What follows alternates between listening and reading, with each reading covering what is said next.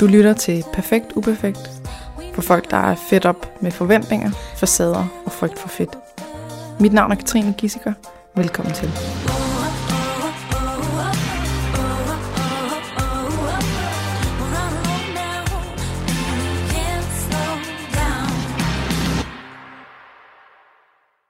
Thomas Dybro, tak, Ja. tak fordi du kom i dag. Selv tak. Er du nervøs? Jeg er spændt. Ja, dejligt. Tak for sidst, by the way. Uh, vi har lavet uh, awesome event, ja, hvor vi begge to var speaker, ja. og har nogle gode snakker om bagved. Kan du ikke lige fortælle lidt om, hvem er du? Hvad laver du? Hvad står du for? ja. øhm, jamen, jeg laver jo foredrag, øh, som du også så der. Jeg laver teamudvikling og arbejder rigtig meget med kommunikation. Øh, arbejder med sådan en ligeværdig kommunikation. Så har jeg arbejdet med udsatte unge nogle år. Mm. Gør det også stadigvæk. Arbejder også med nogle unge mennesker, nogle teenager, som har det fint, og som gerne vil lære sig selv endnu bedre at kende, og som vil finde ind til, hvad der virkelig gælder for dem. Øh, og så laver jeg en lille smule coaching, og, og hvad der ellers sådan passer ind i de her ting, øh, som jeg går og arbejder med. Og så skrev jeg en bog sidste år, så jeg har ligesom været inde i det her game de sidste 10 år snart. Øhm, hvor jeg sådan har, jeg synes det er mega interessant at både søge ind i mig selv og finde ud af, hvordan jeg hele tiden kan lære mig selv bedre at kende, arbejde med mig selv, og, og samtidig, hvordan øh, at jeg kan give noget videre til andre mennesker, som de også kan vokse af. Hvad handler bogen om? Der er sådan øh, grundlæggende to ting. Der er øh, to budskaber, jeg gerne vil frem med. Og den ene, det er noget med kriser, og hvordan vi kommer ud af dem, hvordan vi kommer styrket ud af dem, hvordan vi håndterer dem og håndterer os selv i dem. Øh, og så min egen personlige oplevelse af det. Og så det andet, det er et kommunikationsværktøj, mm-hmm. øh, som hedder mentalisering. Mm-hmm. Som der ikke er så mange, der kender til, øh, desværre, men det, er, det kommer I til. Det kommer alle til at kende til. Mm-hmm. Det er sådan noget, man burde lære i folkeskolen. Øhm, det er noget, jeg har stødt på med at arbejde med de her udsatte unge mennesker, hvor der er en masse psykologer, som har skrevet om at forske i, hvordan at, øh, unge, som har det svært, hvordan de egentlig burde blive bedre til at lære at mentalisere og kommunikere med andre mennesker osv. Og da jeg så læste alt det her og arbejdede med det, så kunne jeg sådan ret hurtigt se, okay, det kunne jeg også blive meget bedre til selv, og det synes jeg egentlig alle mennesker kan. Øh, så det har jeg sådan dykket ned i her de Kan seneste du, år. kan du sætte nogle ord på, hvad mentalisering er? Ja, så øh, helt overordnet, hvis jeg er i stand til at mentalisere lige nu, når jeg sidder her med dig, så er jeg i stand til at se mig selv udefra, og se dig indenfra. Wow. Så se mig selv udefra, og se dig indenfra. Normalt så ser jeg jo mig selv indenfra. Mm. Så sådan som jeg ser verden, sådan er verden jo. Det er jo rigtigt. Hvis ikke jeg sådan lige sidder og tænker over det, så er det jo så har jeg jo nogle bestemte regler for, hvordan skal man være klædt, og hvordan skal man opføre sig, og hvor- hvornår man er god nok, og alle de her ting på øh, alle mulige niveauer. Øh, men mentalisering, det handler om lige at være i stand til at hoppe ud af sig selv, og så se, okay, hvordan agerer jeg lige nu? Er jeg sådan, øh, hvil, hvilken tilstand er jeg egentlig lige, lige, lige nu? Så det starter meget med at kigge indad allerførst, og så se, jamen er jeg et afbalanceret sted lige nu? Er jeg øh, måske sådan lidt et stresset sted? Har jeg sovet for lidt? Er jeg presset? Og er mine tanker et helt andet sted end at være nærværende lige nu? Eller hvad, hvad, hvor er jeg henne? Er jeg egentlig et godt sted? Øh, og hvis der så er et eller andet, og typisk på en arbejdsplads, eller når vi har med andre mennesker at gøre, eller endnu mere typisk derhjemme med familie og kærester og alle sådan ting, så er der nogle ting, der ligger og kører under huden. Så er der måske et eller andet stress, eller et eller andet pres, eller noget, der, der tager vores tanker, øhm, som så øh, som ligger og fjerner vores fokus. Så det med at være opmærksom på det, og så være opmærksom på, okay, hvad kan jeg gøre lige nu, for at være mere til stede der, hvor jeg er, og for egentlig at, at møde dig på en ordentlig måde. Øh, og så er det sådan, jeg plejer at kalde det empati på steroider, fordi det er jo så også, det har også hele den her empatidel. Så samtidig med, at du skal forsøge at forstå dig selv, hvad er det egentlig, hvordan virker du på dine omgivelser lige nu, så skal jeg også kunne forstå og, og prøve at hoppe ind i dig og være nysgerrig på, hvordan er det egentlig at være dig. Og det, der sådan er paradokset med mentalisering, det er, at vi kommer aldrig til at mentalisere 100%. Vi kommer aldrig nogen til at, det skal man bare acceptere fra starten af. Jeg kommer jo aldrig til at forstå, hvordan er det at være dig, fordi jeg har ikke dine oplevelser, erfaringer, værdier, syn på livet, opvækst og så videre, så videre, så videre. Øhm, så det, det med, og det er jo det, der er problemet, det er, at vi tit laver det, man så kalder pseudomentalisering, at vi tror, at vi mentaliserer. Jeg, jeg ved alt om dig, jeg ved lige præcis, hvordan du har det. Eller, eller når vi øh, på en arbejdsplads bagtaler hinanden og sætter hinanden i nogle negative bokse. Det er altid dig, der starter konflikterne, det er altid dig, der gør det ene og det andet. Det er altid dig, der overskrider deadline, eller skal være for perfektionistisk, eller for sjusket, eller hvad det nu er. Øhm, så det der med at, at være nysgerrig på det, og prøve at sådan forstå, hvad er det, der er vigtigt for dig, hvad er det for nogle behov, du har, øhm, hvordan ser du verden, hvordan kan vi mødes i det, hvad, hvordan kan jeg undgå at være skide irriterende over for dig, når vi mødes, øhm, hvordan kan vi sådan øh, begge to få en god oplevelse ud af det. Den, øh, den nysgerrighed og så viljen til at gøre noget ved det selvfølgelig, det, det er mentalisering. Er formålet så, at man ikke skal være røvhul? Eller? Er det, hvad, Øh, altså det, det, jeg vil jo sige, at det kommer fra et godt sted, ja. Altså, så, så det vil det være. Og det er mentalisering, der er nogen, der har det sådan lidt, åh oh, nej, det lyder som sådan et eller andet manipulation og sådan noget. Det må det jo heller ikke komme over til at være. Ja. Altså, så det, det er ligesom, øh, ligesom hvis man øh, tager til et foredrag eller et eller andet og bliver inspireret, så skulle det jo gerne være, at man bliver inspireret til selv at finde sin vej i det. Mm. Så, så der ikke er en eller anden foredragsholder eller kursus øh, øh, facilitator et eller andet, som siger, hvordan du skal gøre, eller hvordan du skal have det. Og det ved jeg også, det er du også meget fortæller for, ikke? At, at vi selv steder. finder vores egen svar i tingene. Og sådan skulle mentalisering jo også gerne være. Det skal jo være, hvor du ligesom selv, og så øh, tror jeg på de færreste, de vil være røvhuller, når de mm. tænker over det på den måde. Altså det, er, det er noget, man også bruger i kognitiv med ø-metaforen. Altså at man står på sin egen ø, og så står alle de andre på deres øer, og så, så hvis der nu er sådan et øh, sekstal i himlen, så ja. hvis jeg går over på en af de andres øer, så ja. er det faktisk et nittal. Ja. Og så kan vi stå der og diskutere og sige, det er, altså, er, du, er du fuldstændig blind? Er du dum? Det er et sekstal. Og den anden står, altså, det er et nittal for helvede, fordi den vinder den retning. Ja. Og så rejsen over i andres øer for at kunne forstå fra deres perspektiv. Og sådan er det jo hele tiden. Der er også den der gode gamle tegning, der er blevet brugt meget, hvor du ser et billede af en gris, og så står der en eller anden landmand. Hvad vil han tænke, når han ser en gris? Og så står der måske en lille dreng. Hvad vil han tænke? Og så står der en professor, der forsker i det, og så står der en dyrevelfærds et eller andet, og mm. så står der en eller anden, der er vegetar, som, eller veganer, eller og tænker noget helt andet. Mm. Så det, forskellige mennesker vil tænke noget vidt forskelligt, når de ser på den her gris. Så det er det, det der med lige at kunne sætte sig lidt ud over det, at hey, verden den er ikke ligesom jeg ser det mm. Nødvendigvis bare lige. Og jo mere vi ligesom kan åbne op øh, for den nysgerrighed, også for os selv og det perspektiv, at der findes mange forskellige perspektiver, som er rigtige, øh, så, så, så vokser vi som mennesker. Og så kan vi se tingene på en anden måde, og, og så er det, vi kan begynde at se lidt bag om den adfærd, som vi alle sammen har hele tiden. Øhm, og jeg, noget af det, jeg sådan, synes er virkelig interessant ved det, er, fordi det kan jo tages ud i tusind dimensioner, det her. Mm.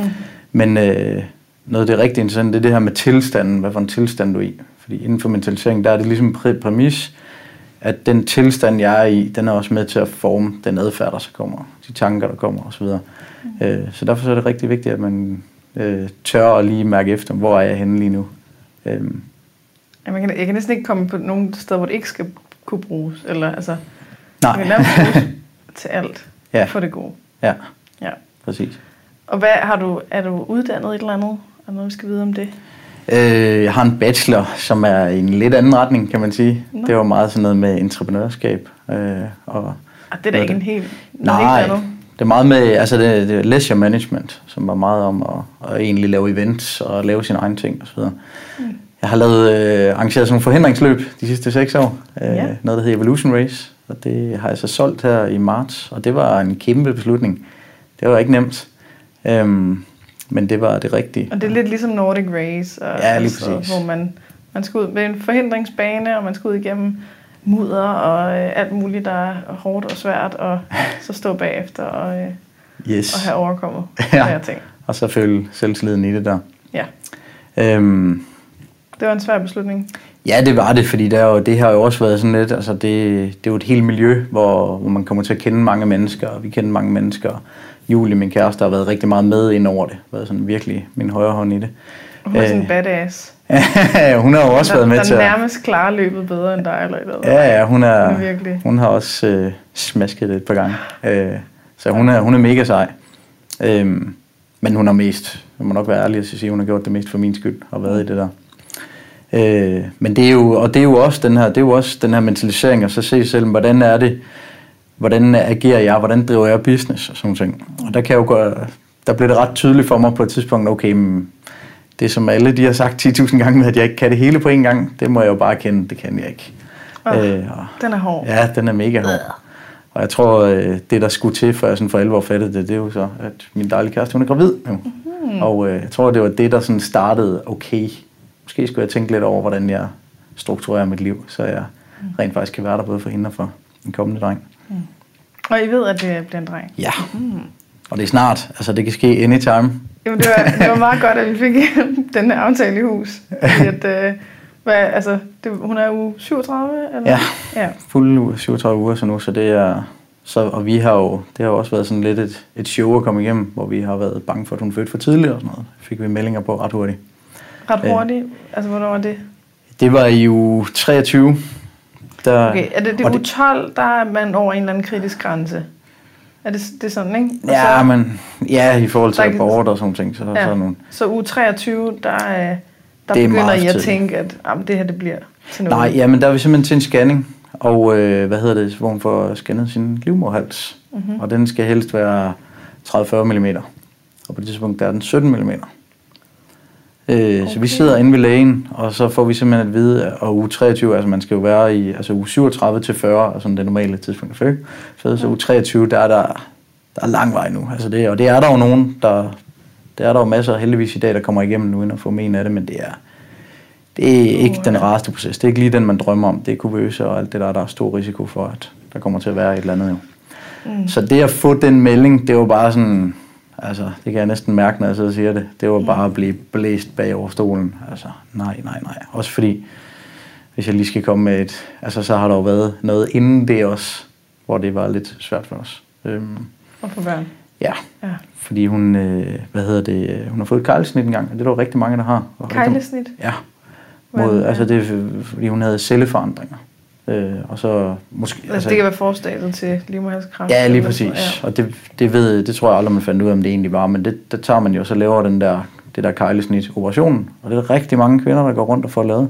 Og som ikke tænker over, at det faktisk kan have. Fordi man får bare at vide, ja, det er helt fint. Men for mange, der kan det faktisk godt betyde, øh, at det ikke er lige så nemt at være gravid. Fordi for hende, der, blev, der skete der så det, at der er der simpelthen dannet så meget arvæv, så øh, vejen den var blokeret op. Og så er det lidt første... ligesom spiraler faktisk gør. Ja, Sådan, for- det får ligesom stoppet den øh, gang, der ja er op til... det kan man vel sige. Ja. Og så siger folk jo altid, "Jamen, så kan I bare gå i fertilitet. Nej, det kunne vi ikke, fordi det var fuldstændig umuligt på det her tidspunkt, indtil det blev opereret. Øh, så fik vi jo så at vide ret hurtigt, okay, det skal opereres for det, men det, det skal bare lige opereres, så kan det lade gøre. Og så øh, blev jo- hun blev opereret under fuld narkose. Og så efter, hvad hedder det, operationen, det lykkedes ikke. Og det var jo vildt frustrerende, og vi var vildt kede af det, og hvad nu? Og kan hun så aldrig få børn? Og hvad der lykkes ske? ikke at fjerne det arvæv, eller hvad? Mm, det lykkedes ikke at komme hele vejen op til livmoderen, oh. som de skulle. Øh, sådan at man ville kunne ja, blive gravid. Øh, og så, øh, så sagde jeg, okay, jamen, de ville prøve en anden strategi, og de sagde jo, de prøvede ligesom at, at trøste os med, at de var eksperter i det og alt sådan noget. Så de sagde, vi, vi gør det igen. Og så to-tre måneder efter, så blev hun opereret igen. Og øh, da hun er, hvad hedder det, vi havde fået at vide inden, at den første time efter, man, der er man, efter man, når man har været bedøvet med fuld narkose, så er man i sådan noget opvågning. Mm. Så der får vi ikke noget at vide om, hvad der er sket, selvom at, vi, at hun ligesom møder mig og sådan noget der. Fordi man kan alligevel ikke huske det bagefter, man er bare forvirret og så videre. Så det vidste vi godt inden, men det der med at komme ind, jeg kommer ind til hende, hun vågner op, det er bare, øh, det, var, det var egentlig frygteligt i sig selv. Så ud over det, så lå der en seddel, hvor der stod ordet infertil på. Og så fortæller en sygeplejerske, hun fortæller os bare, det er gået dårligt. Altså, der stod ikke passage. Ja, så det, det er åbenbart gået dårligt, og, vi, og der kommer en læge om en time eller to og fortæller, hvad der er sket. Og så det der papir, infertil, det der ord, det er jo bare sådan, så tænker jeg, okay, betyder det så, at hun, betyder det lige nu, kan hun ikke blive gravid, eller betyder hun aldrig kan, kan blive gravid? Hold kæft, det var forfærdeligt, mand. Det var frygteligt. Så et par timer, det er meget lang tid at vente. Ja, og Julie var rigtig ked af det, og det var sgu forfærdeligt at opleve, virkelig. Mm. Øhm, Altså, forstod hun godt, hvad der skete i den der opvågning? ja, ja, fordi ja, ja, hun vågner op, og altså forestil dig, du vågner op og har ja, sovet sådan en søvn og er helt væk, og så får du bare at vide, at det er gået dårligt. Øh, men hun vidste jo godt, hvad der skulle ske, så, mm. så det var jo bare virkelig, virkelig frygteligt at få det at vide. Og så oven i det, så var de kommet til at stikke øh, ud igennem mavesækken, så der kom sådan en betændelse ud i maven, så hun blev, blev også skide syg af det bagefter, og skulle være indlagt bagefter. Og så sagde de bagefter, jamen, øh, vi prøver noget, vi prøver den igen. Vi, vi taler om det på sådan en konference, og taler om, at vi kan prøve på en ny måde. Og det var bare, nej, nej, nej. Og man har næsten lyst til bare at sige, I skal, I skal ikke røre mere. Jamen præcis, det havde vi jo lidt. Altså, øh, lang historie kort, så lykkedes det at så komme til en anden, som, og de havde jo, de sagde jo selvfølgelig, at de var specialister i det og sådan noget. Det lykkedes at så komme til ham her Bent, som er ekspert inden for det område, ligesom de andre egentlig også har været. Og ham mødes vi med, og det, det, fra starten af, der var der bare en eller anden tryghed ved ham. Mm. Øhm, men han sagde også fra starten af, at det her, det kommer enten til at ske første gang, eller også kommer det ikke til at ske. Jeg kommer ikke til at prøve flere gange. Enten okay. så kan jeg, eller så kan jeg ikke. Så det var også en wow, angstprovokerende at få at vide. Mm. Øh, og, så, øh, og han sagde også, ligesom de andre, at I skal bare vide, jeg siger ikke noget under opvågning, fordi der, der har man ikke brug for at få alt det der for, altså forvirret og alt det der. Så sker der så det, at efter hun er blevet opereret, så kommer han hen til mig, og så siger han, det er gået godt, og du må godt gå ind til hende nu. Altså selvom at det var lige efter, hun var vågnet op og alt det der, så fik vi med det. Så det var en helt anden oplevelse, det var vanvittigt. Der var vi jo totalt flyvende under luftbarerne, at lige pludselig så, så var det gået godt, og alt var forhåbningsfuldt. Øh, men vi skulle lige have lidt flere tæsk, fordi så er hun så inde og blive tjekket øh, en uge efter, tror jeg det er. Og så er det simpelthen øh, helet fuldstændig igen. Alt det her arvæv, det er simpelthen hele, så det har lukket sig helt igen. Ren held, så har han, øh, så har han lavet en lille... En smutvej. En, en, smutvej, kan man sige på det. Som gør, at han kan, hvad hedder det, lige få det åbnet sådan relativt lidt op igen. Men der er hun altså også på det tidspunkt blevet opereret tre gange under fuld narkose. Og så fik jeg at vide, okay, hvis I vil have nogle børn, så skal det nok til at være. og så, øh, så besluttede så altså, det havde vi jo ligesom besluttet, det har været en lang proces. Øh, så det blev, og det blev så heldigvis med det samme, at det så lykkedes. Okay. Så vi følte egentlig, wow, vi har virkelig været med igennem. Ja, altså vi har nej. virkelig, ej, det har været hårdt der, det har virkelig været ønske, ønske, ønske barn, ikke? Og så, øh, så troede vi skulle, vi havde fået nok, vi havde været igennem nok, for det er også ja. hele... Ja, men så skulle vi lige igennem det med, hvad det hedder det, fornemt, jo. at hun riskerede at føde tidligt, og så har hun været øh, indlagt en uge også, hvor hun kun måtte ligge stille på maven og ryggen. Og så var hun hjemme en uge, hvor hun heller ikke måtte lave noget som helst. Og så har hun haft sådan flere måneder, hvor hun skulle være inaktiv og sådan noget. En, sådan en predator pige, som er vant til at være meget aktiv mm. og har trænet hårdt altid og elsker den livsstil. Øh, der har det med været hårdt. Næsten deprimeret. Så. Ja, Øh, og så kom det næste skridt, det var så lige, at så, fandt, så dengang vi ligesom, at det virkede til, okay, nu går det her så, så fandt vi ud af, at han var også lidt mindre end normalen. Så, det er, så vi har været til scanning stort set hver uge de sidste øh, 10-11 uger, eller sådan noget, hvad det nu har været. Og så har vi lavet sådan en hjemmescanning også med sådan noget apparat. Så det, det har været helt fantastisk. Men det har, øh, jeg tror, det har været rigtig, rigtig vigtigt, at vi begge to er to mennesker, som er vant til at tale om alting. Og, mm. og at få indevendt det her, fordi der kommer mange positive og negative tanker og følelser ud af det her, og der er også, selvfølgelig har det også, hun har også fået den der frygt der i, i starten under de her operationer. Hvad nu? Skal det så overhovedet være os, hvis ikke at, øh, fordi det var noget, som vi begge to ønsker rigtig meget. Mm. Men det er, jeg har heldigvis ikke haft den, har hun jo ikke. Jeg har slet ikke haft den tvivl på, at, at det skulle bare gå, og det skulle være hende. Mm. Så det, det nåede jeg heldigvis aldrig ud i, men det, det har også været en hård en at ligesom have med. Fordi det har hun jo, det jeg mener med, at hun har haft det der, hun har haft sådan en skyldfølelse over. Det er jo hende, der har et eller andet. Mm. Ikke? Øh, sådan noget irrationel skyldfølelse. Det ja, ja, præcis. Ja, ja. Så det er jo ingen skyld, og det er bare det tror jeg også mange, der får kejsersnit får, mange, der ikke amme får, mange, der Lige præcis. på en eller anden måde ikke kan blive gravid, hvor man sådan, hvem er det, der ikke kan blive gravid? Er det ham eller hende? Jamen, det er sgu da ligegyldigt, det er sgu ikke noget, man vælger selv. Nej. Ja, okay. Så det har også været en hæftig proces for hende. Så der har været noget, øh, der skulle accepteres. Og, men det har været, det er jo så til gengæld, det positive har gjort, at det har været virkelig intenst for os. Og det har været sådan, som mand, der er det jo, der kan jeg jo godt føle lidt, at, det, at jeg kan stå lidt på siden af, fordi det er ikke mig, der går og mærker det her mm. barn hele tiden, og øh, ja, mærker det slå hele tiden, og alle de her ting, og øh, hvad hedder det, så, så, så, så vi mænd, jeg tror tit, vi bliver sat sådan lidt, vi har ikke den samme tæthed med det her barn, og det samme intensitet i det. Det er også derfor, man siger, at, at mændene de forestiller sig mere et barn, der kommer ud, man kan lege med. altså, mm. det vi forestiller os, når jeg forestiller mig et barn, så er det der, nah, det er sådan to år en, man kan tage ned med ned og klatre, eller et eller andet. Det er også fodbold. Ja. der har de noget helt andet, og der tror jeg, at vi har, ved at vi har været så meget i det, og alle de her scanninger og alle de her snakke, det, det gode ved det har været, at det er meget virkeligt for mig. Altså, mm. Jeg har brugt nogle timer på at ligge med min hænder oven på den mave der. og nu Det glæder vi gør os du bare for vildt. også, når, når barnet kommer ud. Og ikke først om to år. Men nu er I over, altså over den, øh, i over uge 37. ja, Så selv hvis hun begynder at føde nu, så skulle så er det godt. Så længe vi lige godt. når at lave podcasten, så Ja. er alt godt.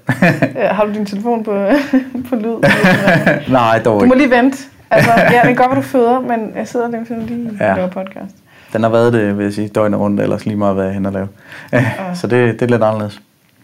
Men det er helt, vi har jo også skulle ende vores mindset, fordi vi har gået og frygtet, åh oh, nej, føder du for tidligt, og du for... Og de har hele tiden givet os et tydeligt billede af, siden vi fik den scanning uge 23, der har de givet et klart billede af, at det her, det kommer ikke til at vente til uge 37-40 stykker. Altså det bliver for tidligt fødsel. Spørgsmålet er kun, hvor lang tid før. Så, okay. så, så vi har jo hele tiden været sådan, åh oh, nej, du må ikke føde. Ja. Og så de sidste par uger, der har vi jo skulle vende vores mindset til fuldstændig at glæde os til det. Ja, Kom nu, så nu må, nu må du godt gerne føde. komme i gang. Så op og ned ad trapper og alt det der, som er nogle værre myter, som sikkert ikke passer overhovedet. Men Ej, det er også frustra- Altså, jeg tænker bare, man, det der med at få ud over alt det andet, der er, at man så også skal gå rundt og øh, prøve at forberede sig altså på noget, som måske ikke engang sker. Altså, det er ikke sket for jer, at hun er født for tidligt. ja, Og så den stress, der så ligger i det, hvor jeg tænker, mm, altså nu må du rette mig, hvis jeg tager fejl, ikke? Men vil man ikke hellere have den der ro af at blive løjet over for at sige, altså regn med, det går godt. Og så gå rundt og have ro, og så hvis man så føder for tidligt, at man så siger, okay, nå, øh, det skal vi lige vende os til. Inden at man hele tiden skal gå rundt og sige, pas nu på, pas nu på, pas på, pas på, i rigtig mange uger eller måneder, før man ligesom rent faktisk finder ud af, at okay, men vi fødte ikke for tidligt. Altså ja. det, var, det var alle bekymrende, det var ikke det værd, fordi Nej. det skete jo ikke. Altså ikke lige før, det ville være bedre omvendt. jo jo, men jeg Bare for tror, alt er godt.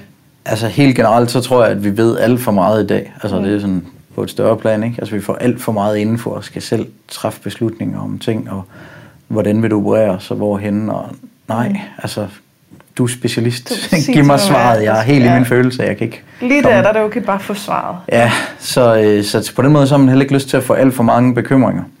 Men jeg vil så sige, selvfølgelig omvendt, så skal man også gøre det rigtigt, altså gøre det, der er bedst for barnet. Og hvis det nu er bedst, og de vurderer jo, at det er bedst, at Julie for eksempel har været ekstremt inaktiv i nogle måneder. Mm. Øh, og det har de ingen evidens for. Det er der ingen, det siger de hele tiden. Der er ikke nogen beviser for det. Men Men, det er bare vores fornemmelse, at det giver mest mening, at man slapper af. Og, så, ja. så det, og det har vi jo også bare sagt, det må vi jo bare hælde tilliden til. Så på den måde har det jo været det rigtige at gøre. Øh, men ja, Men der er det har det. samtidig også rigtig meget, der tyder på, at det at være aktiv, mens man er gravid, er rigtig godt for barnet. Ja, ja, så præcis. står man der i sådan en, okay, uanset hvad vi gør, så og det var det. forkert, ikke? Ja, lige præcis. Så var der i hvert fald den her skyldfølelse over, okay, men så kan det godt være, at vi gør det rigtigt for at holde ham inde, men til gengæld, så gør vi ikke, det skaber jo ikke de bedste forudsætninger for ham bag. Så det er, det er jo, der er masser Nej. at slås med, der, der, har, der tror jeg også bare, vi har været nødt til at give slip på det, og så, øh, og så bare sige, men nu gør, vi, nu gør vi det, I siger, og så er det det. Jeg kan huske, jeg snakkede med en på et tidspunkt, der jo ja, 23, 24, et eller andet, hvor jeg også sagde, "Men kæft man, alle de ting, jeg har taget så mange forskellige coachinguddannelser og mentalisering og alle de her ting, læst om positiv psykologi i- i et væk og så videre, men lige nu, der er der faktisk kun, der er der ikke noget af det der, der virker for mig. Der er kun én ting, der virker lige nu, og det er bare et håb. Ja. Det er bare sådan et eller andet sted nede i maven, der kan jeg mærke, det skal nok gå. Og det var, det var interessant at ligesom, så kan man så sige, det er sikkert også noget positiv psykologi, det er det jo selvfølgelig på et eller andet plan, men, men at komme væk fra i hvert fald for mig alt det der med, der er ingen forklaringer på det her. Det her, det er noget, jeg er bare nødt til at være i. Mm. Og så må vi bare prøve at gøre det rigtigt og så se. Og så tro og håbe på det. Mm. Øh, så det har da, det har da været angstprovokerende også, helt Uha. vildt. Ja. Så nu er, nu er det fødslen, der er den næste Ja, store hurdle. ja. Og så hele det her med, at Og så bare lige de første ske? 30 år af barnets liv, og så... Ja, og hvordan, hvad, hvordan kommer det til at påvirke alt det her, og øh, mit firma og alle de ting, jeg går og laver, ikke? Altså, det, er jo, det er jo spændende, og os og relationen til os. Og det, er, det er en helt ny verden, en helt ny dør, man går ind af, men det, det er jeg klar til. Nu må jeg se, hvad der sker. Øh, fedt. Ej, det tror jeg, Så det er- er, det er Julie glad for. Ja, så det overskygger selvfølgelig alt andet lige nu, selvom der også sker en masse andre fede ting, så er det så er det, det der fylder det meste. Ja. Nå, så det var øh, lidt om øh, sådan, ja, den, bare lad den. Øhm, det var lidt om sådan dit øh, lidt privatliv, hvis man kalder det. Øhm, og der er faktisk en anden grund til, at jeg har inviteret dig ind. Og det er fordi, at jeg ved, at du har en historie, som øh, handler om noget, der har været en lille smule traumatisk, kan man godt kalde det, ikke? Har du lyst til at fortælle? det ved jeg, jeg du tror har, godt, jeg kan fortælle flere faktisk, der har været en lille smule traumatiserende. Jeg har været en tosse, der har jagtet øh, og skulle ud og have noget adrenalin i kroppen. Øhm, og det er jo så, øh, det gjorde så, at jeg kastede mig ud i bjergbestigning. Jeg gætter på det, det du kan ja. have med om. Øh, hvad hedder det, hvor jeg var afsted nede, vi skulle ned på bestige Mont Blanc i 2012. Og det var sammen med min gode ven Alex, som jeg er kendt fra militæret af, og havde, havde et godt øh, forhold til, og vi havde undersøgt det meget inden, og vi havde hyret en guide faktisk, som havde været på toppen af Mont Blanc 221 gange. Hold Så han var ekstremt erfaren, og ja. en vi havde lagt al vores tillid over til. Øh, og vi havde forberedt det inden og sådan noget. Så især dernede, der havde vi sådan tre dage, hvor vi øh, lavede alle mulige, øh, hvor man lavede sådan rescue-procedurer, hvor man øh, bundet, vi går hele tiden bundet ind i hinanden, os tre. Mm. Og nogle steder, der går du måske et sted, hvor der er 60 cm bredt, og hvor der er død ned til begge sider. Og hvis jeg så går forrest og falder ned til den ene side, så skal der være en af de andre, der hopper ned til den anden side nogle gange. Så er der ligesom alligevel. Og så bare hænger. Så hænger man ja. der lidt, og så øh, må man have gang i sin isøkse, og, og så øh, få arbejdet sig op igen. Så de øvede vi, hvordan vi kunne gøre de der ting. Så hvis man ser sin ven falde ned i den ene død, så skal man kaste sig selv ned i den anden død? Sådan vil det være nogle gange, ja. ja. okay. det skal nok lige øves nogle gange, før ja. sidder på ryggraden. Og i det hele taget, så var det meget sådan noget med, at man skal stole på sine fødder, og så, så man går med sådan nogle crampons under, øh, sådan nogle øh, stålpigge, man har under støvlerne og man har isøkse og så videre. Så man skal lære lige at gebære sig i det her miljø, og det, jeg er ikke bjergbestiger, så det er jo ikke noget, jeg sådan havde gjort ret meget i. Så jeg skulle lige lære at gå, og, og når man går på nogle steder, sådan nogle steder, hvor der er sådan nogle kanter, eller der er meget stejlt ned, eller hvordan går du så uden at, at være til fare for de to andre, kan man mm. Der havde Alex noget med erfaring, og havde bestedet på bjerg inden. Øhm, men så er det jo sådan, at man har øh, sådan et åbent vindue, øh, hvor der er en aften, hvor det hele går op i en høj enhed, hvor vi ligesom har planlagt topbestigning. Og det skal jo passe med, at vi er klar til det, og vejret er klar til det, og guidens kalender åbner op for det, og det der, der var bare kun en aften. Og den aften, onsdag nat her, der var der faktisk for dårligt vejr til, at man ville komme helt op på toppen. Øh, så Mont Blanc, der kan man sådan bestige fra sådan grundlæggende fire forskellige sider, og den måde, vi havde øh, ville gøre det på, det var ikke den nemmeste og heller ikke den sværeste vej. Men det var sådan en vej, hvor, der, hvor man kommer op over tre forskellige toppe. Øh, og så den allerøverste top, den vidste vi godt på forhånd, den kommer vi ikke op at stå på. Fordi der blæser simpelthen så meget, så du kan ikke stå derop. Mm. Men toppe nummer to, eller top nummer to, Modi, som bjerget det hedder, det var så det, der var målet. Så vi øh, står op klokken 12 stykker, og kommer ud, og kommer ud der klokken 2 kommer vi ud og går ud af hytten. Øh, og det er bidende koldt, og det blæser helt vildt. Altså man kan bare se, det er jo bælragende mørkt, men øh, hvad hedder det, inden om aftenen der, inden det blev bælragende mørkt, der kunne bare se, hvordan skyerne de bare tæskede hen ad himlen. Altså sådan, det så helt vanvittigt ud. Sådan helt filmagtigt. Okay, der er virkelig dårligt vejr. Øh, jeg havde seks lag tøj på, på overkroppen, og jeg frøs stadigvæk. To lag handsker, og altså... Øhm, vi bevæger os ud, og så går vi først op ad det første bjerg, til Kilde, til, til Kyl, som det hedder. Øh, og så da vi begynder at gå lidt ned ad det, så går man en lille smule nedad, og så går man så hen, og så går man op ad Modi. Og da vi begynder at gå op ad det, sådan, så rammer det mig virkelig, hvor vanvittigt et vejr vi er ude i her. Altså, nogle gange så, så stormer det simpelthen så meget, så vi er nødt til bare at sætte os ned på hug, sætte isøksen i, for ikke at få for bare at blæse af bjerget. Ja. Så det er virkelig hæftigt, og nogle steder er det også sådan, så er det sådan lodret, måske 6 meter, hvor du sådan skal klatre op ad det. Men ellers er det sådan mest, at man går og kan bestige det, når man nu har de her crampons, som man lige har øksen til at hjælpe sig. Øhm, så da vi så har øh, kæmpet os op af i, i sådan tre timer, da klokken den er kvart over fem, så står jeg lige stille et øjeblik, fordi jeg, jeg tager længere skridt end vores guide. Til gengæld så går han uafbrudt i de her tre timer. Mm. Så, det, så jeg har lige et øjeblik til at stå stille, mens det her reb det lige kan rette sig ud. Der kigger jeg op, og så kan jeg se sådan konturen af det her bjerg, som vi er på vej op mod. Så kan jeg se, der er måske, jeg ved ikke, 150 meter op eller sådan noget. Der er ikke ret langt op nu. Øh, og så kan jeg se sådan nogle små gule prikker, der er sådan på vej op mod og det er så pandelamperne for de bjergbestiger, der er foran os. Mm. Så tænker jeg, okay, vi er lige ved at være der. Nu må vi lige stramme os an til det sidste her, fordi det, det er hård bestigning. Og så lige det øjeblik her, kvart over fem om morgenen, der kigger jeg ud til siden. Og så fra det ene øjeblik til det andet, så er der bare sådan nogle kæmpe store stykker sammenpresset is og sne, som bare buller forbi os. Øh, bare smadrer forbi os. Hvor bare, jeg når kun lige at tænke, okay, godt, vi ikke bliver ramt af det der. Og der kommer stykker hen over hovedet på os, kæmpe store stykker. Øh, og så et split sekund efter, jeg ligesom har set det der, og bare tænkt den tanke, så rammer det os. Så bliver vi ramt af en lavine, øh, og bliver væltet bagover. Og i samme øjeblik, altså det er sådan en enorm kraft, der rammer os. Altså, man siger jo også, det er 100.000 tons. Øh, så det er bare sådan en helt, altså det er sådan en øh, følelse af, og øh, hvad hedder sådan noget, altså det er helt umuligt at kæmpe imod. Mm. Altså det er helt, jeg kan ikke, altså alle de der rescue-procedurer, vi har trænet, det er så langt væk fra det. Det er bare sådan ligesom at blive bullet ned af en lastbil på en eller anden måde. Så isøks og pandelamper og sådan ting, løs genstande, det ryger bare ud af hænderne og hovedet med det samme. Øh, og sådan instinktivt, så, og det gør også ondt, det her, det er sådan smertefuldt. Det er ikke bare sådan, at jeg sådan falder, det, er sådan, det rammer mig sådan hårdt. Så det, det rammer mig så hårdt på min mave og på min ben, at jeg, øh, at jeg ligger mig i sådan en skildpadde form, for sådan ligesom at prøve at beskytte min mave og mit hoved især. Øh, og så ryger vi ellers bare, altså hvad der føles som frit fald. Øh, og det er sådan, falder, falder, falder, rammer ind i et eller andet. Fordi vi havde jo ligesom gået zigzag udenom de der farlige steder, altså, eller hvad skal man sige, hvor der var sådan nogle udspring og sådan ting fra bjerget. Øh, så nu rammer vi bare de der ting, som bjerget det nu er formet som.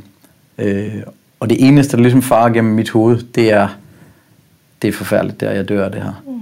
Fordi det rammer mig så hårdt, så jeg tænker, at slagen alene kan ramme mig.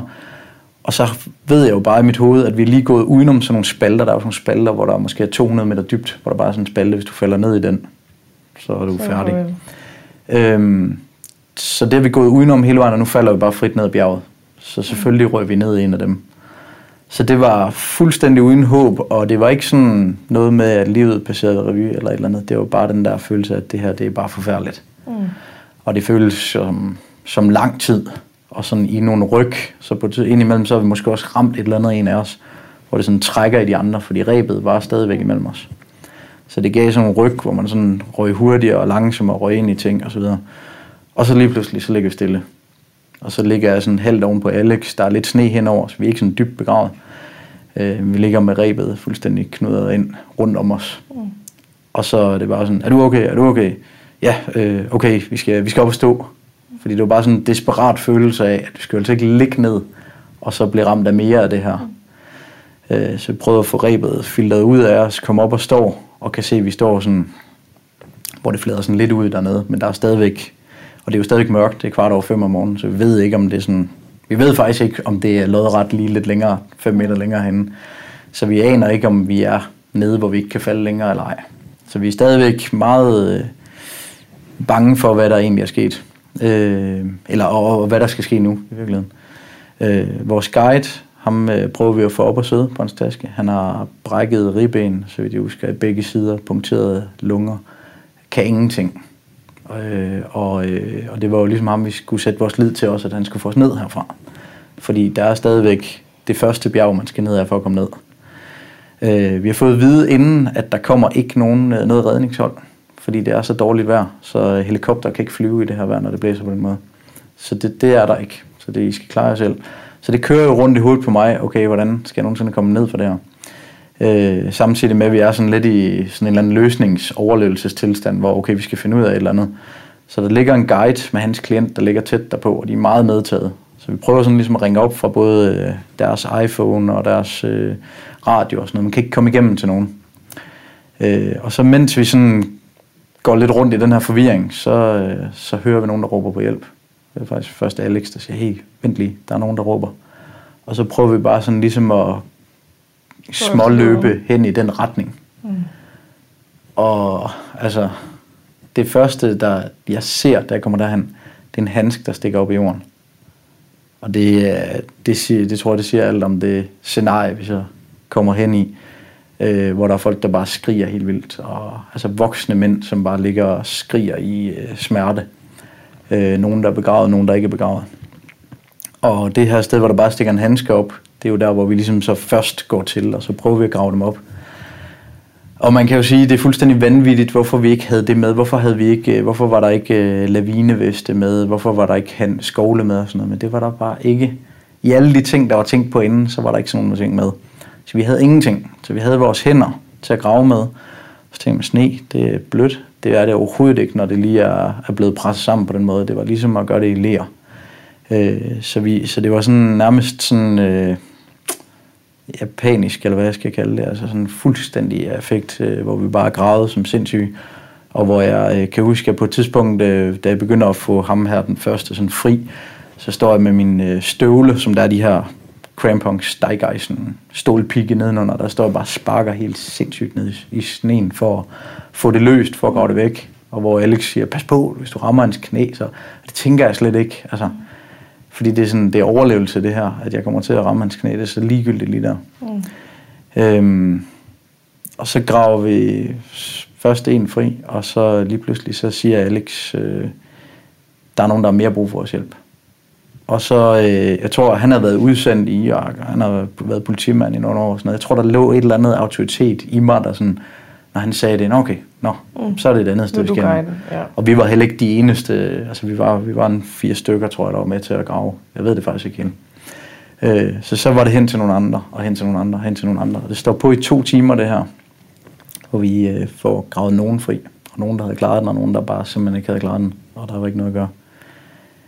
Øh, og så efter de her to timer, der, øh, altså der, der, der har vi ligesom gjort alt, hvad vi kunne. Alt, hvad vi ligesom kan rykke på lige her, det, det, det har vi rykket på. Øh, og været i sådan en eller anden... Øh, altså jeg kan også kun huske det glemtvis, fordi der har jeg jo været i fuldstændig chok. Mm. Øh, og så kan jeg huske, at jeg sidder til sidst og, og trøster ind, fordi han ligger og græder og har helt sikkert brækket en masse knogler i kroppen, kan ikke gøre noget. Jeg har pakket ham ind i sådan et, øh, tæppe, øh, sådan noget folietæppe, tror jeg det hedder, ikke? for at holde på varmen.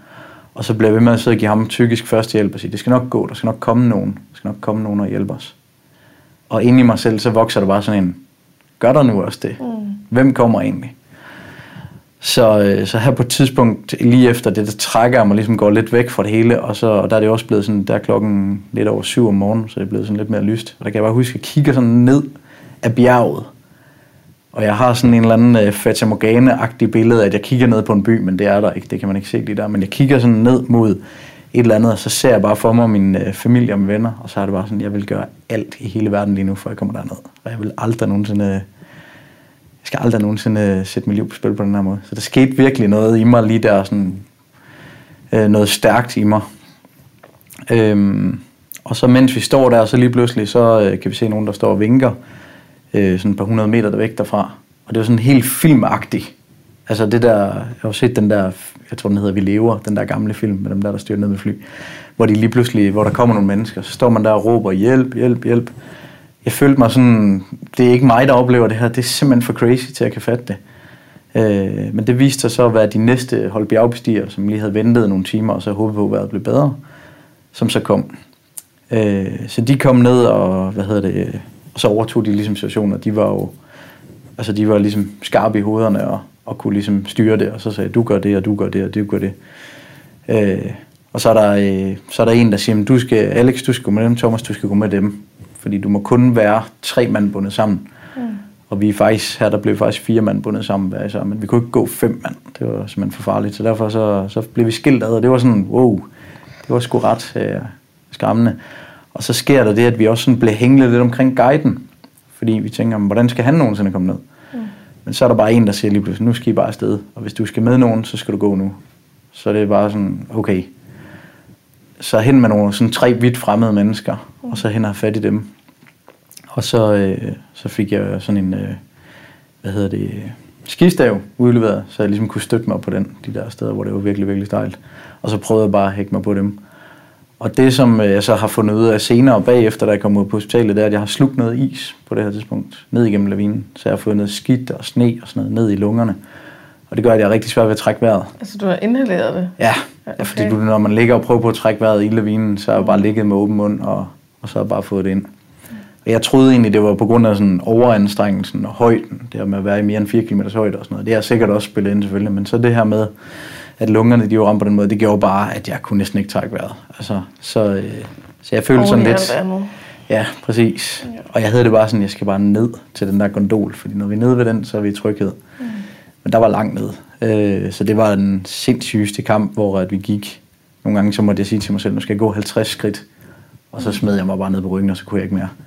Og de blev ved med at sige, ah, det er altså et farligt, det er farligt, nu har der været en lavine, der kan være, der kommer mere, og sådan noget. vi skal til afsted, du skal komme afsted, og sådan noget. Jeg var også bange for at blive efterladt af dem. Mm. Øhm, så vanvittig tur, der tog flere timer ned også. Og så kommer vi ned til gondolen, og så lige da vi kommer ind i gondolen, da jeg lige mærker den der, okay, nu er jeg tryg. Altså nu er jeg, det var sindssygt. Altså det var, det var først sådan rigtig, rigtig positivt. Wow, jeg har overlevet det her. Øh, og så næste skridt var, at jeg lånte den, vi havde jo ikke telefoner med. Eller jo, det havde, men den virkede ikke, tror jeg. Nej, det havde vi ikke. Øhm, så jeg lånte telefonen af en i den her gondol. Og øh, det glemmer jeg aldrig, det der, dengang jeg så tager telefonen. Og jeg var bare sådan, jeg skal lige ringe op til min mor og sige, ja, okay.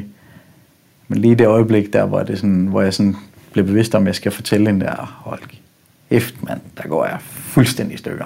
Mm. Det var ligesom om jeg bare fattede, hvad jeg havde stået i lige der. Så fik jeg det bare. Øhm, så øh, der, der fik jeg ligesom, øh, ja, der fik jeg den der følelsesmæssige oplevelse af det i hvert fald. Mm. Hvor jeg lige fik komme ud med rigtig meget. Øh, og så kom vi jo på hospitalet og finder så ud af også, at øh, på vejen her, at der, vi har været cirka 25, alt efter hvordan man regner det, men vi har været 25, der er blevet ramt i den her lavine, hvor der er ni, der er omkomne. Øh, Det var nogle af dem, I havde været i nærheden af. ja, Mm. Øh, det var jo ikke nogen, vi kendte. Altså, jeg tror, det havde selvfølgelig været en anden oplevelse, hvis det var nogen kendt tæt, hvis der var sket noget med Alex eller guiden eller et eller andet. Men, øh, så det, er jo- det, er- det er jo selvfølgelig også en faktor, der gør, at det har været nemmere for mig at komme over. Øhm,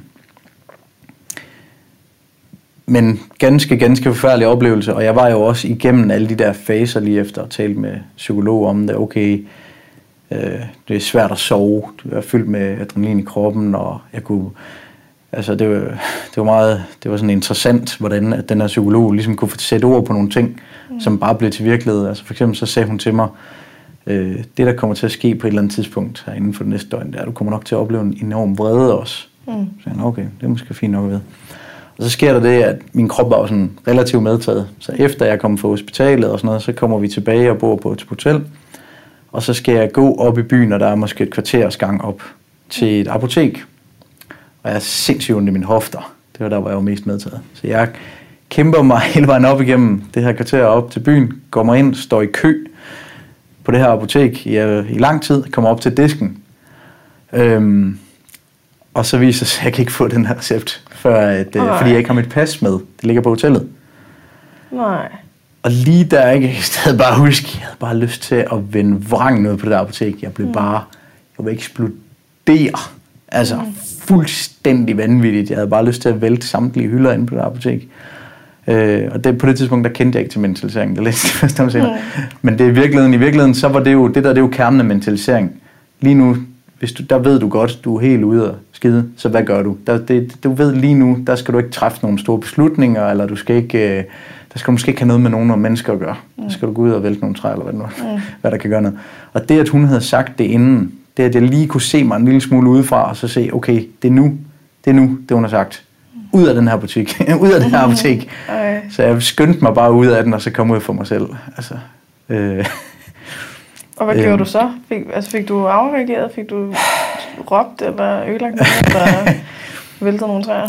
Jeg tror faktisk bare det lige der, jeg har jo nogle gange også, så har jeg prøvet at gøre, jeg er jo også sådan meget fysisk, så har jeg måske taget ned og slået på sandsæk, eller gjort et eller andet. øh. Jeg har faktisk en lidt skør ting, det er at finde øh, en, en skov med nogle gamle halve øh, øh, rådne træer, og så vælte dem. Det er faktisk ret... Øh, Det, man kan godt vælge. det er faktisk okay. rigtig, rigtig godt. Øhm, men det var, det, det, der nåede jeg slet ikke ud af. Jeg tror, det der med at vide det, og det er også det nogle gange, så bare det der at vide, at okay, lige nu der er du lige et sted, hvor du skal trække vejret, og der sker noget i dig, følelser og impulser, det er jo noget, der bare kommer. Mm. Og hvis du i virkeligheden accepterer det og er med det, så forsvinder det også igen. Jeg tror, den der, jeg, jeg tror, jeg havde den der accept, så de ikke fik lov til at stikke mere, end de gjorde. Mm. Øhm, og så, øh, hvad hedder det, altså så, så kom der jo, øh, altså så var jeg jo igennem sådan en fase bagefter, hvor jeg sådan, altså, jeg har jo kæmpe respekt for de mennesker, der er kommet ned til, og deres familie og pårørende og alt sådan noget. Men jeg må også bare sige, der, det blev sådan ret hurtigt tydeligt for mig, okay, der er sket noget med mig, og der er sket nogle positive ting med mig. Øh, og der gik egentlig ikke lang tid, før jeg sov okay om natten, og, og så videre, og jeg, jeg kunne bare mærke, okay, der, øh, der er nogle sådan helt grundlæggende ting, som er blevet meget tydeligere for mig. Jeg har haft sådan, og det er faktisk, det er noget, det må jeg jo skrive en anden bog om en gang. Mm-hmm. Det er faktisk ikke noget, jeg sådan går ret meget ind i i bogen, for ikke at have for mange ting at tage fat i sådan en bog. Men noget, der sådan, noget af det, der var ellers størst, stærkest i mig, det var, det har været, at det blev tydeligt for mig, at jeg jagtede en anerkendelse hele mit liv. Mm. Så jeg har skulle løbe maraton og Ironman og lave sådan noget hellrun og det ene og det andet og det tredje og det fjerde for hele tiden at få den her anerkendelse og præstere for at være god nok. Mm. Det har været mit drug, og det har været min hine efter for anerkendelse. Så er det lige, og det er jo den klassiske, ikke? så har det følt rigtig godt lige når, det, når der er et eller andet, der lykkes, og så, så er den ude igen. Og så er det næste projekt. Yes. Ja. Så den der anerkendelse af mig selv, og egentlig føle mig god nok, den, den har jo på ingen, intet tidspunkt været der ordentligt. Øh, så der skete et eller andet med mig, hvor jeg kunne give slip på den på det tidspunkt, og hvor jeg for første gang, altså alt den tid, der har været siden, har jeg kunne sige nej til ting. Og jeg har stadigvæk kastet mig ud i nogle ting, nogle vilde fysiske udfordringer og sådan noget. Men det har været, hvor jeg sådan virkelig har gået og tænkt over det og reflekteret, okay, er det mit øh, anerkendelses mm. øh, drift, drive der, der hiver mig lige nu, øh, eller er det noget, jeg selv vælger at gøre? Og jeg er jo på ingen måde øh, frelst og har løst den gåde fuldstændig, så jeg, jeg gør stadigvæk helt sikkert en masse ting for det, men jeg er meget bevidst om, at det ikke er den, der må styre mig. Mm. Øh, så, så det blev sådan den ene store ting, og den anden sådan store ting, det var den her sådan, taknemmelighed, jeg har oplevet hver dag. Altså, fordi det var virkelig det der, da jeg sad op på det bjerg og så kiggede nedad, og havde den der oplevelse, jeg ville gøre alt for at komme derned. Øhm, så, så det, det blev sådan tydeligt, at det var jo det, der var vigtigt i livet. Det var jo ikke at bestige. Jeg skulle have bestiget Mount Everest og alt muligt andet også. Øh, men det var ligegyldigt. Det var det der med at være sammen med nogen, der betød noget. Det var det, det alt overskyggende. Mm. Og det har, det har været sådan... Det har været tydeligt, at det var det, jeg ligesom skulle prioritere og søge efter det. Og så må øh, præstationen, vil jeg jo også mene, skal være der. Den skal bare ikke være så ubalanceret, så det er den, der styrer. Mm. Det kommer jo ikke op. Det kommer ikke til at være glad af. Øhm, og så, øh, så, så jeg er jo nørdet, altså så, så læste jeg jo en masse ting og kiggede, og hvad, hvad jeg ville egentlig sige at være traumatiseret, og der var også en frygt for at, at få posttraumatisk stress og alle de her ting. Og så lige pludselig så dukker der noget op, der hedder posttraumatisk vækst. Og så siger jeg, hvad er det? og det viser så, at i 90'erne, der er der nogle gutter, der har forsket i, at det er der faktisk rigtig mange, der oplever. Og faktisk så er det sådan, at øh, det er faktisk kun 5-10%, som har kronisk stress, øh, PTSD, mm. som vi kender den her stresslidelse, efter en eller anden traumatiserende oplevelse. Det kan nogle gange være mere i krig, så kan, så er det, kan det være en tredjedel, der kommer hjem med det. Øhm, men rent faktisk, så er det faktisk 9 ud af 10, har de fundet ud af, som har været igennem en eller anden stressfuldt øh, affære, oplevelse. Noget, hvor man virkelig har været ekstremt bange, eller noget ekstrem redsel, eller følt sig helt magtesløs, eller øh, et eller andet. Det kan være mange forskellige ting jo. Øh, 9 ud af 10, de føler sig faktisk, øh, at de har vokset igennem det bagefter. At de føler på et eller andet område sådan personligt, der er de blevet bedre til at kunne prioritere, eller blevet mere taknemmelige, blevet bedre til at værdsætte ting, blevet bedre til at skabe dybere og mere meningsfulde relationer, eller andet. Der, kommer, altså, der er mange ting, der, hvor, man ligesom, hvor der kan være et eller andet, som er blevet tydeligt for en. Og det har jeg så øh, ja, de sidste syv år synes var rigtig interessant, og også at tale med mennesker om og, sådan, og prøve at spørge dem den der lidt provokerende ting, når der er nogen, der har oplevet noget rigtig svært. Og det er jo, altså min lavine, den er jo, jeg vil jo selv sige, det er fuldstændig tosset. Det vil jo være dumt at tage ned og bestige et bjerg, hvor du risikerer liv og lemmer. Så det, det, det er min egen selvvalgte øh, tossede ting, som jeg skulle igennem. Men øh, det, er mere, det er en metafor for at vi bliver ramt af laviner alle sammen, om du vil eller ej. Uanset hvilken vej du rammer, du vælger igennem livet, så kommer der til at være mennesker tæt på dig, der er syge, eller du er selv syg, eller eller dør. Eller dør.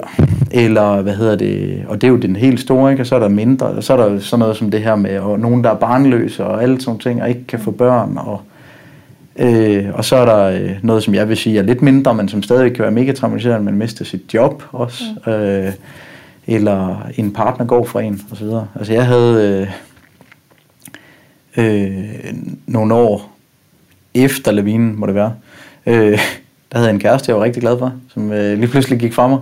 det var meget, det var meget værre for mig, end alt det der, jeg var igennem med lavinen. Altså, så det der, der, det, der kan ske mellem os mennesker, øh, det, det er nogle gange meget stærkere, meget kraftigere. Øhm, hun, gik, hun gik fra dig efter lavinen? Ja. ja så det vil så sige, lavinen har lært dig, at øh, menneskelige relationer er meget vigtigere? Ja, lige præcis. Og så bagefter, så mister du den. Ej, det, det er lidt, lidt ja. tavligt. Ja. Altså, jeg, jeg siger ikke noget om hende, jeg siger bare om livet generelt. ja, men lige forstå, hvad der er, der er vigtigt. Det er det, der er vigtigt. Godt, så skal nu vi lige miste det, det fordi så skal vi mærke endnu mere. Ja. ja. Men vi får alle de her tæsk, det får vi sgu alle sammen. Og der, øh, hvad hedder det, hvad er det så, hvordan kan vi gøre noget ved det? Hvordan kan vi arbejde med det? Øhm, og hvordan kan vi øh, have et perspektiv, hvor vi ligesom går ind i det med en tanke om, også ligesom du sagde før, altså i stedet for at gå ind med en tanke om, at det kommer helt sikkert til at gå galt. Mm. Altså, og det posttraumatisk stress, den synes jeg, den, den får lov til at fylde for meget i forhold til, hvad der reelt er. Fordi der er faktisk mange af dem, også som er kommet hjem og, og har PTSD, og som har meget rigt osv., men som stadigvæk vil sige, der er kommet noget godt ud af det. Mm. Og der er nogen, der har oplevet at miste nogen tæt på til kræft og sådan noget, som vil sige ja. Og det posttraumatisk vækst, det er også vigtigt at sige, det betyder jo ikke, at jamen, nu er alt meget bedre, end det var før. Nej, nej, ikke nødvendigvis. Fordi du vil stadigvæk til enhver tid måske nogle gange gå tilbage og sige, jeg vil gerne have undværet den der oplevelse, jeg undværet det der tab. Men det betyder ikke, at der ikke kan komme noget positivt ud af det ved siden af. Der er både noget negativt og noget positivt. Og dem, som har mistet nogen tæt på, de værdsætter måske livet på en anden måde bagefter. De er måske mere taknemmelige hver dag, måske mere ops på at lige få sagt, jeg elsker dig. Mm. Og ikke bare sige det på en måde, hvor vi ikke mener det og ikke er til stede, men rent faktisk sige det, ikke? og at gøre det. Øh, og være der for dem, der betyder noget. Øhm. Så, så det, det, ja, det er mit ene budskab, som jeg, som jeg rigtig gerne vil ud med. Mm. At, øh, at det, det at, at det, er noget, det er et aktivt valg også. Altså, fordi der er selvfølgelig alt, der er også nogle ting, der spiller ind, hvor jeg er henne i mit liv, og hvem er jeg som person. Men du kan også gøre noget aktivt, og det er også derfor, du har den her podcast. Ikke? Mm. Altså, det er jo, vi, vi kan gøre noget, øh, og, vi, og det gælder om at fortælle om tingene. Jeg tror, noget af det bedste for mig har været, at jeg har blevet jeg har talt om det her i det uendelige, og den er stadig med på mit foredrag nu. Nu har I fået sådan lidt flere detaljer på den mm. i dag. Jeg holder en meget kort version. Men bare lige for at give folk øh, når jeg laver et foredrag, så for at give dem billedet af, at, øh, hvor langt ude jeg var i hvert fald. Mm. Øhm, og at det stadigvæk kunne give en masse positivt med sig. Mm. Så jeg, øh, hvad hedder det, jeg har også nogle, mange gange åbnet den op, og så, altså jeg siger jo altid, at I kan spørge mig om alt, hvad som helst bagefter. Så jeg tror, det har været en rigtig helende proces for mig. Så det, det tror jeg på, at det er en vigtig ingrediens, at når man har været igennem noget svært, at man får det vendt, indevendt fuldstændig. Mm. Men jeg er glad for, at du siger det der med, at der er, der er måske nogle ting, der bliver bedre, og så er der måske nogle ting, der bliver værre, eller nogle, hvor man altså, har en evig sorg, eller hvad det kan være. Men øh, jeg synes nogle gange, så, så kan der godt være lidt tendens til, at man øh, enten er pro positiv eller mod positiv psykologi. Og så er det ligesom enten, så, er, så findes der ikke noget dårligt i den her verden. Så alt, hvad, alt, hvad der er smerte og øh, traume og øh, sorg osv., det er bare rigtig godt. Fordi at så, altså sådan, det, det, der, så mister, man mister lidt noget, øh, noget forståelse, noget empati, og, sådan, og man kan godt lidt komme til at være respektløs.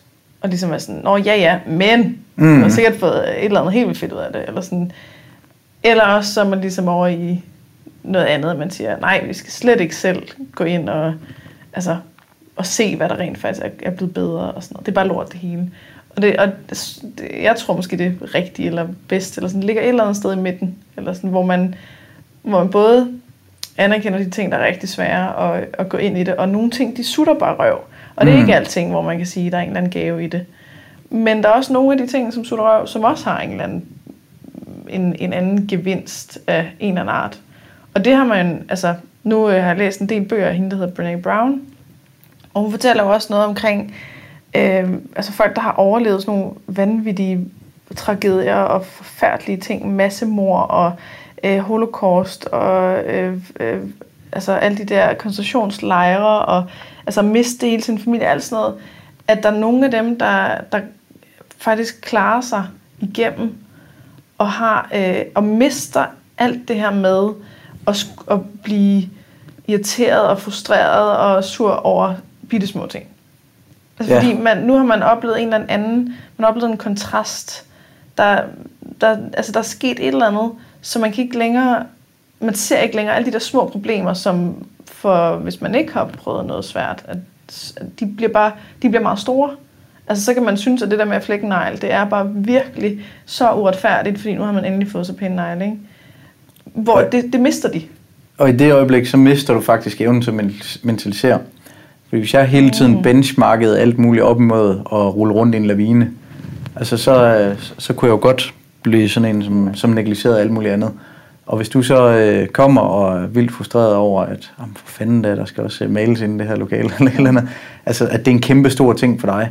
Hvis ikke jeg, øh, hvis ikke jeg evner at bare sætte mig en lille smule ind i det, fordi jeg bare negligerer alt andet, jamen så, øh, altså, så, man så, så, så mister, man, det. Altså, man så mister man sige- noget mellem hinanden, ikke? Nej, Jamen, altså ja, man skal jo ikke sige, at, at mine problemer er værre end dine, eller du må ikke være ked af det over Nej, præcis. et eller andet, som jeg synes er ligegyldigt, fordi jeg har prøvet noget andet. Altså det, det er jo ikke meningen, at det skal blive sådan, men, men at de mennesker, som kommer ud af et traume, at de ikke længere selv har de problemer. De kan godt sætte sig ind i andre. Altså man kan godt sætte sig ind i, hvor forfærdeligt det kan være at flække negl. Men man bliver ikke selv dybt frustreret over at flække negl. Fordi den, den, den er ligesom bare ikke vigtig længere. Ligesom du siger, at nu, nu kommer der pludselig et klarsyn her. Ikke? Mm. Hvad er det egentlig, der er vigtigt? Er det vigtigt, at jeg øh, hele tiden skal ud og være ekstrem og gøre ting for at kunne øh, du ved, lægge det op på Facebook eller øh, få high fives? Eller altså sådan, er det egentlig det, der er vigtigt? At man gør alting for at få anerkendelse af andre? Eller er der nogle dybere ting, som faktisk er endnu vigtigere, som man ellers ikke kunne se før? Ja, og det, det er jo der, hvor det rykker noget for mig. Og jeg, jeg tror også, jeg er blevet bedre til med nogle ting, og så sådan ligesom sige, okay, det der, det vil jeg ikke bruge min energi på at være negativ omkring længere, fordi det, er sådan, det fylder bare ikke så meget. Nu er jeg rent faktisk glad for, at jeg er her. Men altså, jeg har jo også masser af små ting, som jeg kan blive fuldstændig tosset i hovedet over, ikke? som kan være frustrerende. Øh, jeg har sådan en, øh, jeg tror, at lavinen den er også blevet sådan en pauseknap for mig.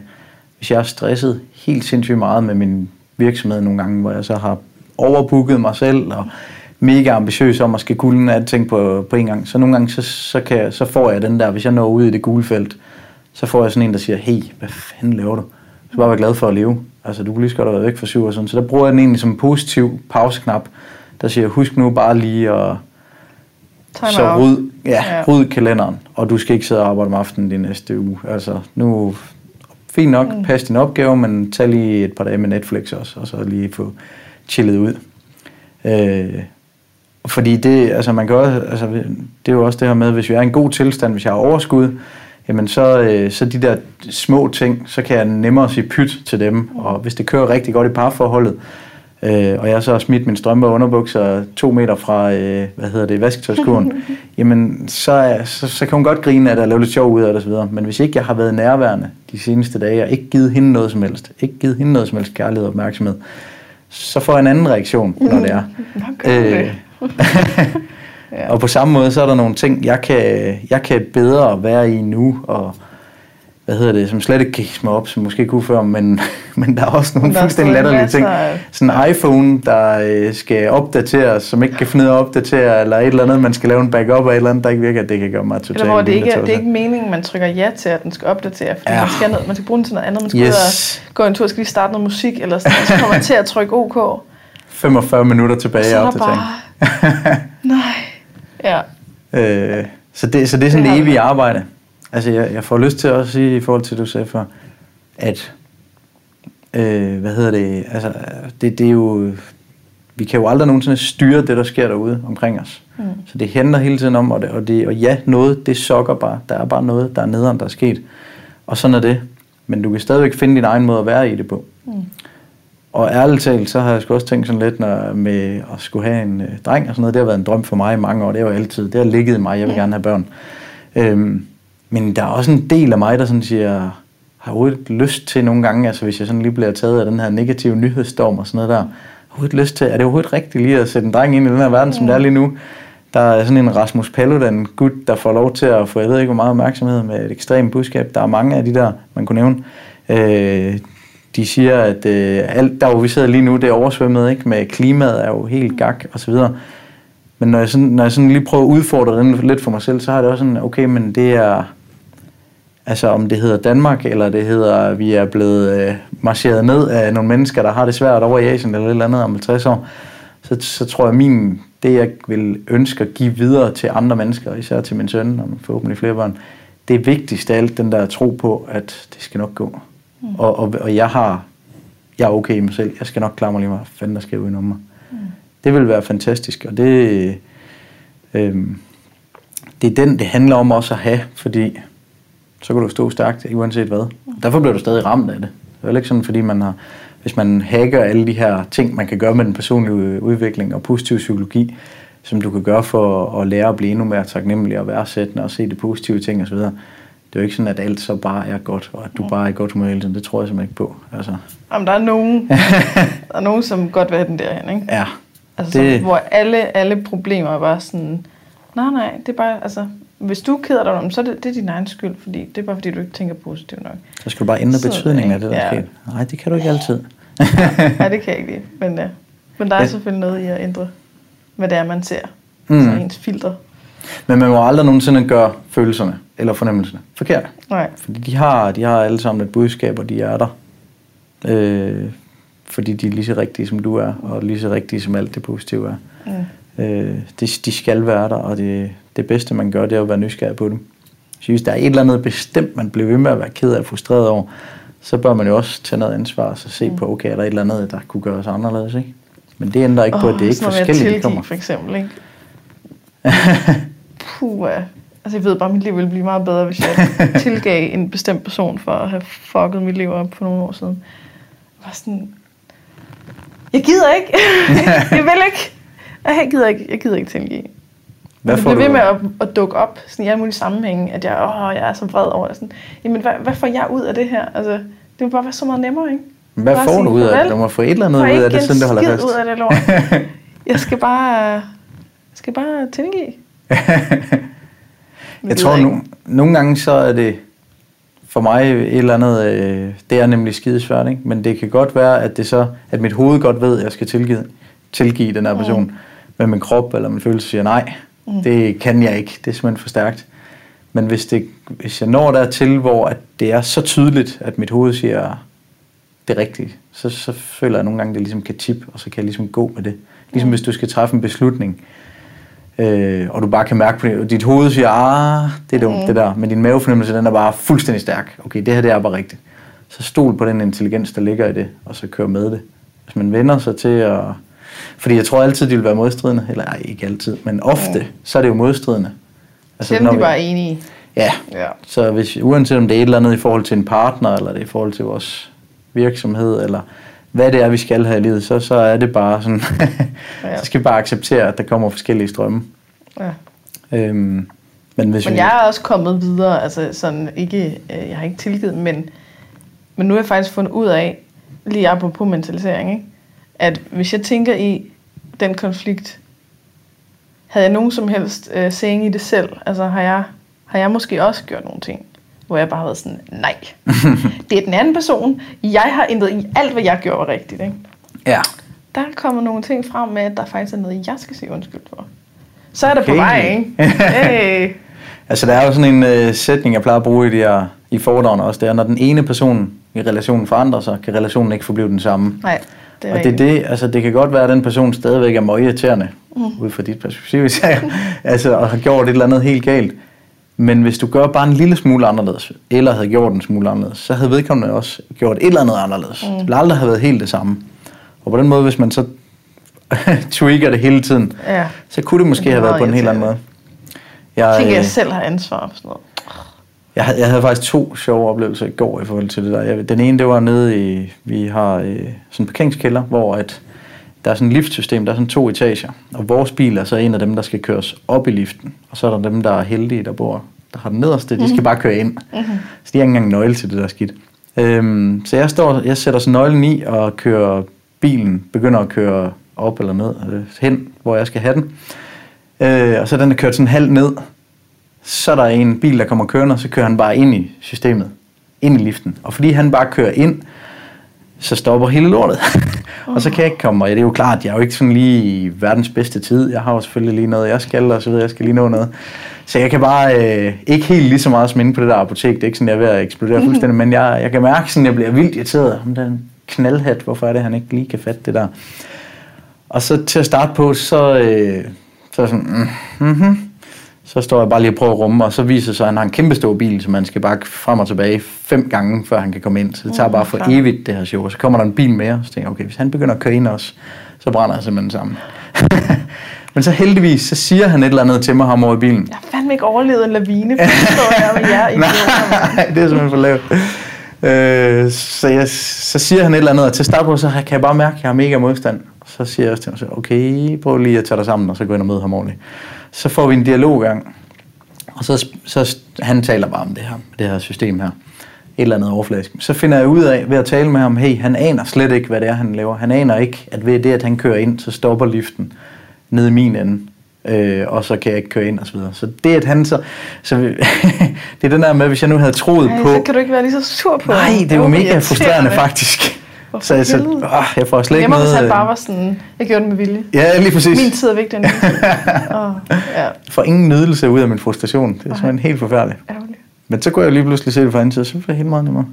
Mm. Øhm, og vi havde også, så min kæreste, hun havde bestilt noget på nettet, nogle produkter, vi skulle have hjem, øh, som så ikke er kommet. Og så har vi skrevet, hvad hedder det, skrevet til dem på mail begge to. De svarer ikke. Øh, og så tænker man, okay, det der, det er, så går jeg ind og finder dem på Facebook. Okay, de har 37 likes, så der er ingen dialog derinde. Så tænker jeg bare, det der, det er jo spam. Det er jo, eller det er jo sådan Mm, et eller andet det øh, scheme firma, ikke? Så skriver jeg til dem på Facebook, bare sådan ren, jeg er nødt til at gøre et eller andet. Så svarer de. Og så den sidste uge, der har vi haft 40 beskeder frem og tilbage, hvor han bare er vildt ked af det, han gør alt muligt. Han skriver morgen og aften, at han har haft fat i GLS, så, så der har været et eller andet med GLS, og så i går, så kom pakken, voila. Det er bare interessant, ikke? Altså, havde han ikke svaret på mails? Ja, det ved jeg så ikke. Det, skrev jeg, det gav jeg ham så også som feedback på en rimelig pæn måde, ikke? Altså, så nu for lige at svare. Øhm, men altså, det, til at starte med, så er jeg bare helt sikker på det der, det er bare svindel og humbug, ikke? Og måske er der også et eller andet, men de har i hvert fald gjort alt, hvad de kunne for at få den pakke frem, og den kommer frem. Ja. Øhm, så den der, så det er jo, og det er jo det, man kan jo arbejde med mentalisering på mange måder, men en af de måder, jeg ligesom har, en af de ting, jeg gerne vil inspirere andre mennesker til, det er det der med, tro nu på, at andre folk, de ikke er der bare for at være, irritere dig. Ja. Så når du lige starter med at blive irriteret over nogle mennesker, så, øh, så prøv at være lidt nysgerrig på, hvorfor bliver du det? Og kunne der være en grund til, at de gør, som de gør? Ser de det måske fra en helt anden side? Ser de fra det hele som 6-tal og 9-tal, mm-hmm. som du også sagde, ikke? Og det sjove ved det, det er, selvom jeg har holdt så mange foredrag om det, og taler så meget om det, så falder jeg jo selv i den hele tiden. Jeg når også lige at blive rigtig vred der i går, ikke? Og jeg, øh, jeg kan også blive irriteret, når jeg Nå, for i det. alle mulige situationer, ikke? Så det er ikke noget, jeg tror ikke, det, det er ikke noget, man bare sådan lige kan hacke det her, så er det fikset. Men det hjælper, at man har den der lille, det gør det i hvert fald for mig og mange andre, at have den der lille stemme op i hovedet, der siger, ah, træk lige vejret, ja. Og så lige vent et øjeblik, og så lige prøve at måske stille et par spørgsmål, i stedet for bare at begynde at bebrejde det her stakkels menneske. Ja. Øhm, Og det, det kunne jo også have været for dem, der stod i apoteket, hvis du var begyndt at råbe og skrige, at de så står og tænker, hvad fanden sker der for den her idiot? Ja. Han kommer kun ind her for at lige lukke lort ud på mig. ja, Men hvis de så havde tænkt i, om det kunne også være, at han lige havde overlevet en lavine, så øh, var det måske også mere forstående, hvis det ja, var sket. Eller et ja. Så Jamen, træk vejret, vær mere nysgerrig, spørg ind. Altså, der var faktisk en læge, vi havde, der, øh, som vi snakkede med. Jeg snakkede med en psykolog, det var meget godt over i telefonen, da vi var dernede i Frankrig. Og så er der en læge, der ringer til os øh, fra et forsikringsselskab, som sådan skulle hjælpe os. Og det skal lige siges, på det her tidspunkt, der er vi sådan, øh, efter at vi ligesom åbnede op for interviews af medierne, så blev, og det var især mig, så blev jeg simpelthen bare stormet af alverdens øh, presse, nærmest fra hele verden, som jeg så lod mig interview til. Og jeg synes egentlig, det var, det var rart at blive spurgt om alle mulige ting. For mig der var det sådan en øh, Terapi helingsterapiproces, der foregik allerede der. Så det var helt fantastisk. Øhm, men så på et tidspunkt, så har vi også fået nok. Og så kan jeg huske, at jeg siger til TV2 News, okay, jeg kommer ikke hen til deres studie. Nu skal vi lige snakke sammen, mig og Alex. Vi skal lige have styr på det her. Jeg skal lige have svaret de allernærmeste derhjemme, jeg faktisk er okay. Og vi skal ind og have noget aftensmad. Altså, jeg skal lige have lidt ro i knoppen. Det er måske døgn efter det her, eller sådan noget. Så ringer han så lige det, vi har sat os der ved maden. Og vi ventede på nogle opkald, som vi var nødt til at tage. Altså mm. noget med, hvor, fordi vi skulle flytte, og vi skulle arrangere, hvordan vi kom hjem og alle sådan ting. Så jeg tager den. Og så overfuser han mig bare for sindssygt, for at jeg ikke har tid til at tale med ham. Så siger jeg, men øh, jeg vil rigtig gerne tale med dig, men kan du ringe om en halvanden time, eller et eller andet, eller mm. måske i morgen, eller et eller andet. Ja, jamen, hvis du, hvis du ikke har brug for at tale med mig, så kan det da også være lige meget, og hvis du bare har det så fint, så kan jeg slet ikke se, hvorfor jeg skulle bruge tid på dig. Altså, det var med den attitude der. Det er. Og der var jeg heldigvis sådan et sted, hvor jeg bare sådan kunne grine af det, og så længe Ja. på. Men det var, det var jo helt ekstremt manglende empati også. Altså, ikke, Det kan være, at han skulle komme til et af dine foredrag Ja. og høre om mentalisering. Ja, måske. Mm-hmm. Ja. ja vi er nødt Så- til at slutte af. Yes. Desværre. Jeg har en klient ventende derude, kan jeg se. Yes. Men øh, skal vi lige gøre lidt reklame for Ja, din bog? Hvad hedder den? Hvor kan man få den? ja. så øh, bogen hedder Farvel til firbenet, og øh, hjemmesiden hedder thomasdybro.dk, og øh, D-Y-B-R-O. DYBRO. Og med, man kan også øh, se mig lave lidt sjov en gang imellem på Instagram, thomas.dybro. Og så har jeg altså på min nye hjemmeside, som er lige ved at gå i luften her nu her, mens vi sidder og snakker her, thomasdybro.dk eller på min Facebook-side, Thomas Dybro, i to år. Der ligger altså en masse videoer ind med en masse øh, inspiration, så man kan lære om alt det her, uden at man nødvendigvis skal tage til et foredrag også. Så, så det er I meget velkommen til at kigge med. Så Facebook, Instagram og bog. Ja. Og hjemmeside. Yes. Ja, men øh, tusind tak, fordi at du kom. Det var godt at se dig igen. Selv tak. Tak fordi at du lyttede med så langt. Som sagt, så hvis du har lyst til at støtte den her podcast, så gå ind på tier.dk, det er titaler.dk, og søg på Perfekt Uperfekt. Der skal du registrere dine betalingsoplysninger en gang, og så kan du vælge for eksempel at give en tier per episode, der udkommer i fremtiden. Der er også et link i beskrivelsen, hvis det er nemmere. Og hvis du gerne vil vide mere om mine foredrag og online foredrag og kognitiv kostvejledning osv., så gå ind på katrinegissiker.dk. Igen, tak fordi du lytter med.